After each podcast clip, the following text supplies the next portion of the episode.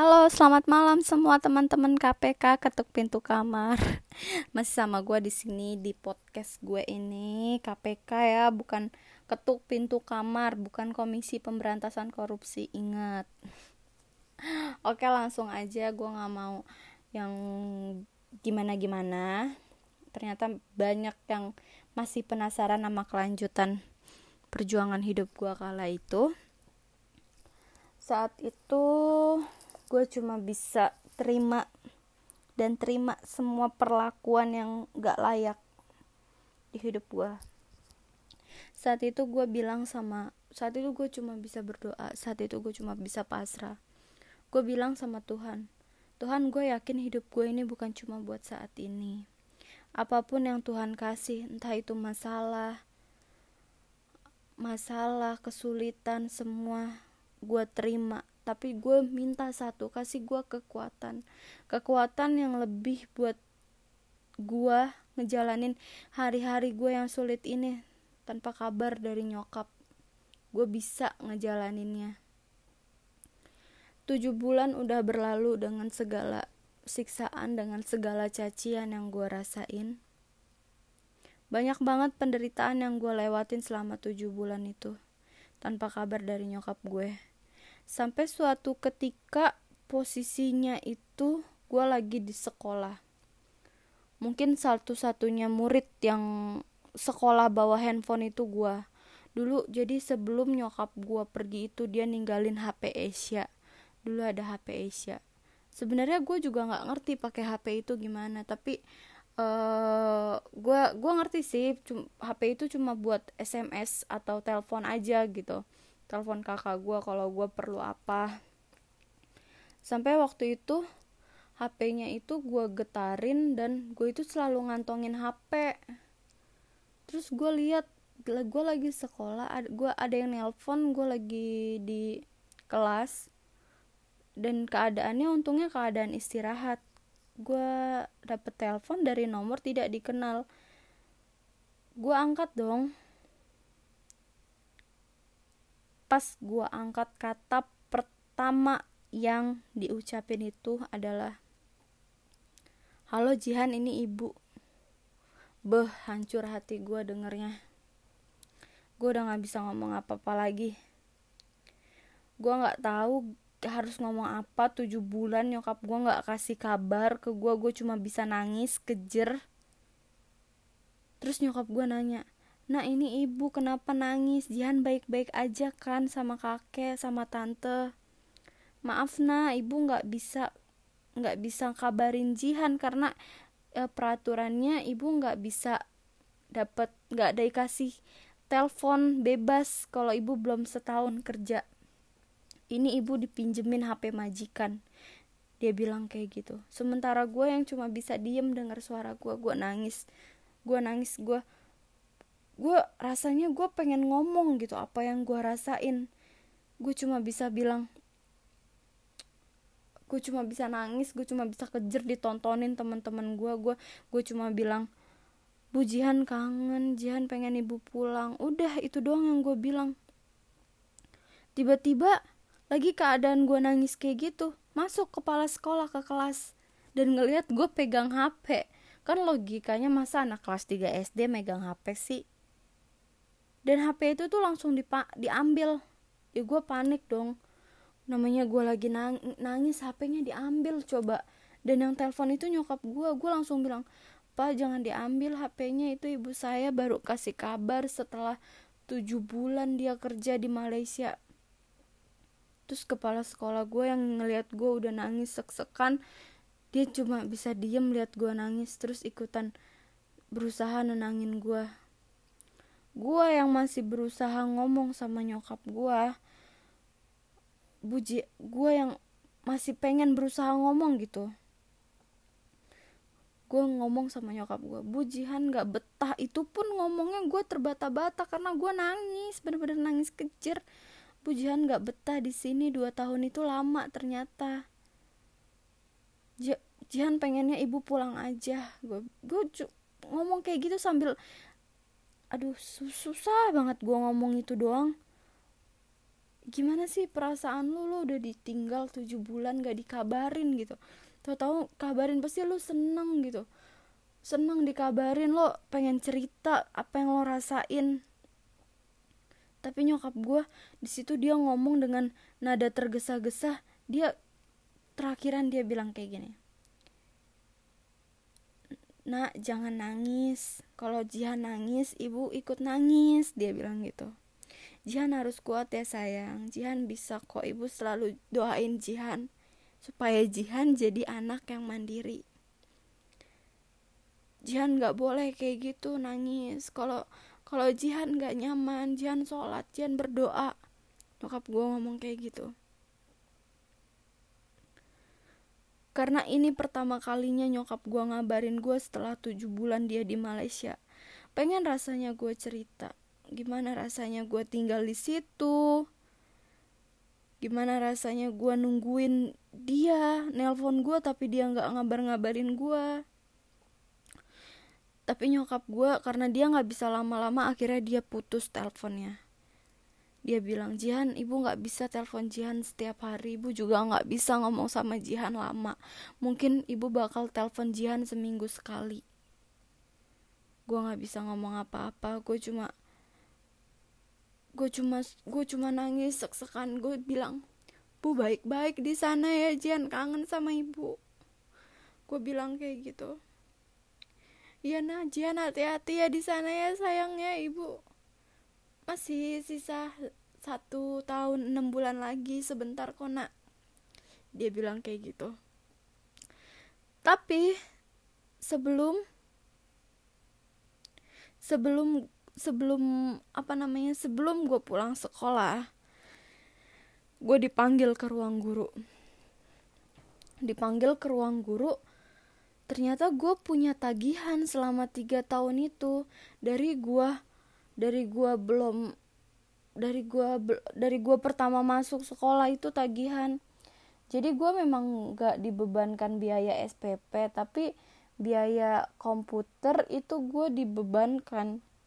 Jadi selama tahun tiga tahun itu gue punya biaya apa namanya biaya komputer yang harus dibayar gitu. Nyokap gue pun nggak bilang sama gue dan itu biayanya 500 ribu saat itu sampai rumah gue kepikiran omongan guru gue kalau gue nggak bayar gue nggak bisa ikut ujian.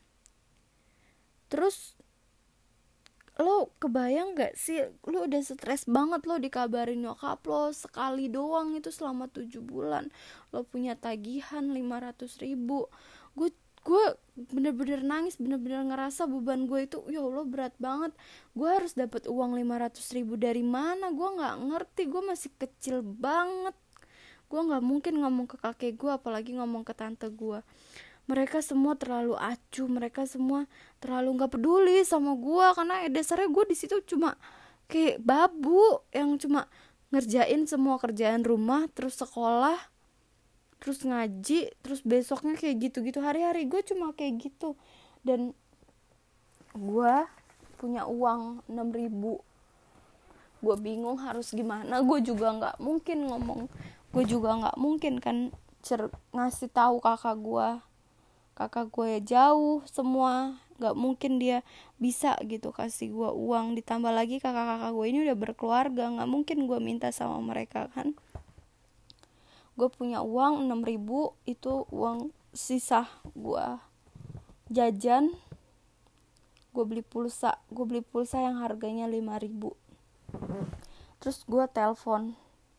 Gue gue telepon ke nomor yang tadi nyokap gue nelpon. Ternyata ternyata itu yang ngangkat malah bos nyokap gue alias majikannya gitu majikan nyokap gue gue sebelum gue ngomong gue udah nangis. Gue nggak ngerti dia ngomong pakai bahasa Inggris pakai bahasa Melayu. Gue cuma bilang gue gue anak nyokap gue gue perlu ngomong sama nyokap gue gue bilang kayak gitu ke dia. Dengan bahasa gue lah dengan bahasa gue anak-anak waktu itu. Terus dia bilang oh ya sekejap nanti saya saya masih di luar gitu. Akhirnya kok nyokap gue nggak nelpon nelpon lagi? Terus gue telepon lagi malamnya nomor itu.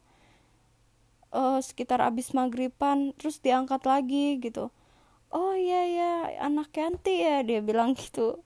Uh, dia akhirnya dia uh, apa namanya ngasih ngasih ngasih HP itu ke nyokap gue Jihan Jihan kenapa telepon ibu? Dia bilang ibu nyokap gue kayak gitu. Gue gue gue bener-bener gue gue sedih banget gue nangis gue bilang bu Jihan Jihan harus bayaran. Gue bilang kayak gitu Jihan gak punya uang gue bilang kayak gitu kan. Bayaran berapa nah 500 ribu. Aduh Jihan ibu harus transfer ke siapa ya? Dia bilang kayak gitu. Di situ ada siapa? gitu. Gue bilang di situ ada kakek gue gitu. Terus kakek gue yang kayak ngeliat gue nangis gitu gue bilang kayak ini ibu mau ngomong gue bilang kayak gitu. Mungkin dia minta nomor rekening uh, tante gue kali ya. Terus kakek gue tuh kayak di situ tuh kayak kenapa nggak ngomong sama kakek? Gimana? Kayak seolah-olah tuh men menyudutkan gue gitu kalau gue nggak ngomong gitu. Kenapa ha harus ngomong ke ibu? Kenapa nggak ngomong ke kakek? Gitu kan ibunya kerja. Kayak seolah-olah tuh baik gitu di depan nyokap gue padahal gue sama sekali jarang teguran sama kakek gue itu apalagi sama tante gue. Mereka tuh cuma ngebabuin gue doang tau nggak?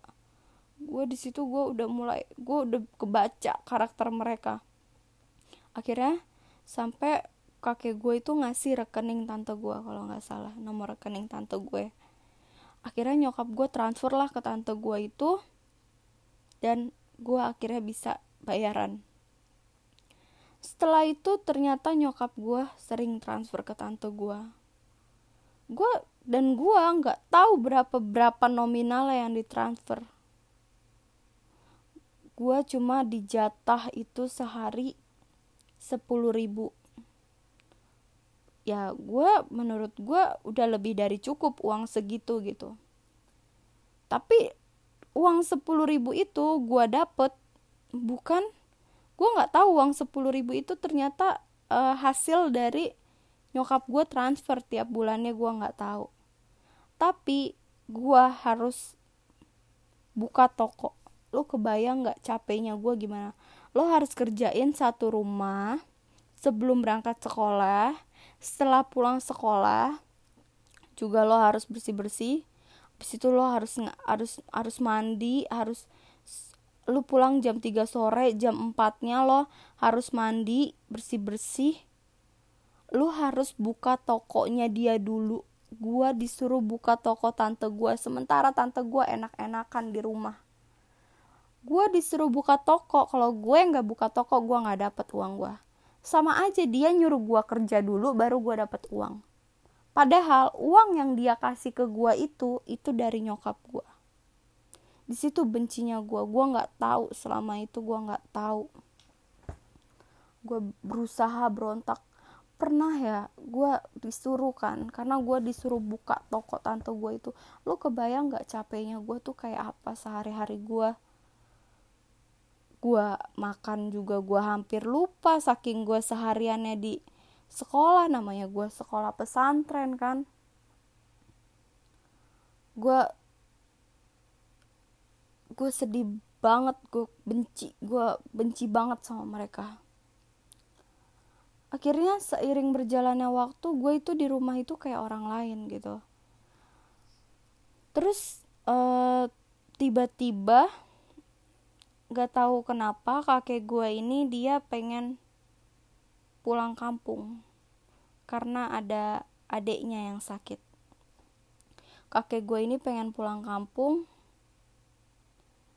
enggak ada kejadian waktu itu jadi ceritanya Jakarta itu gempa.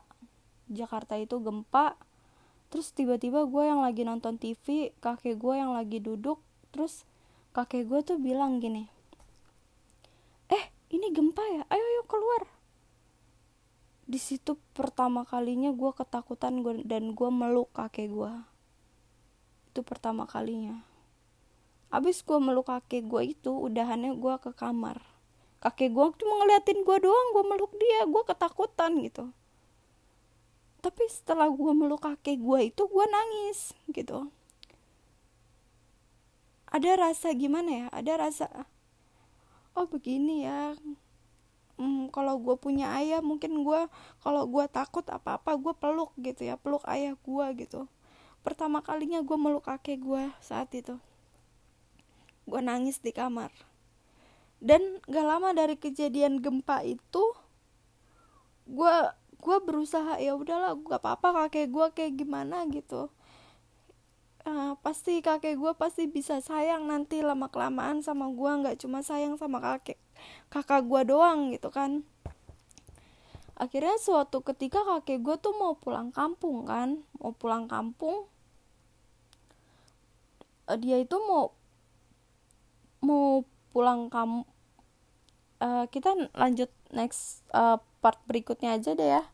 Udah kepanjangan nih durasinya guys. Nanti gue sambung di part 7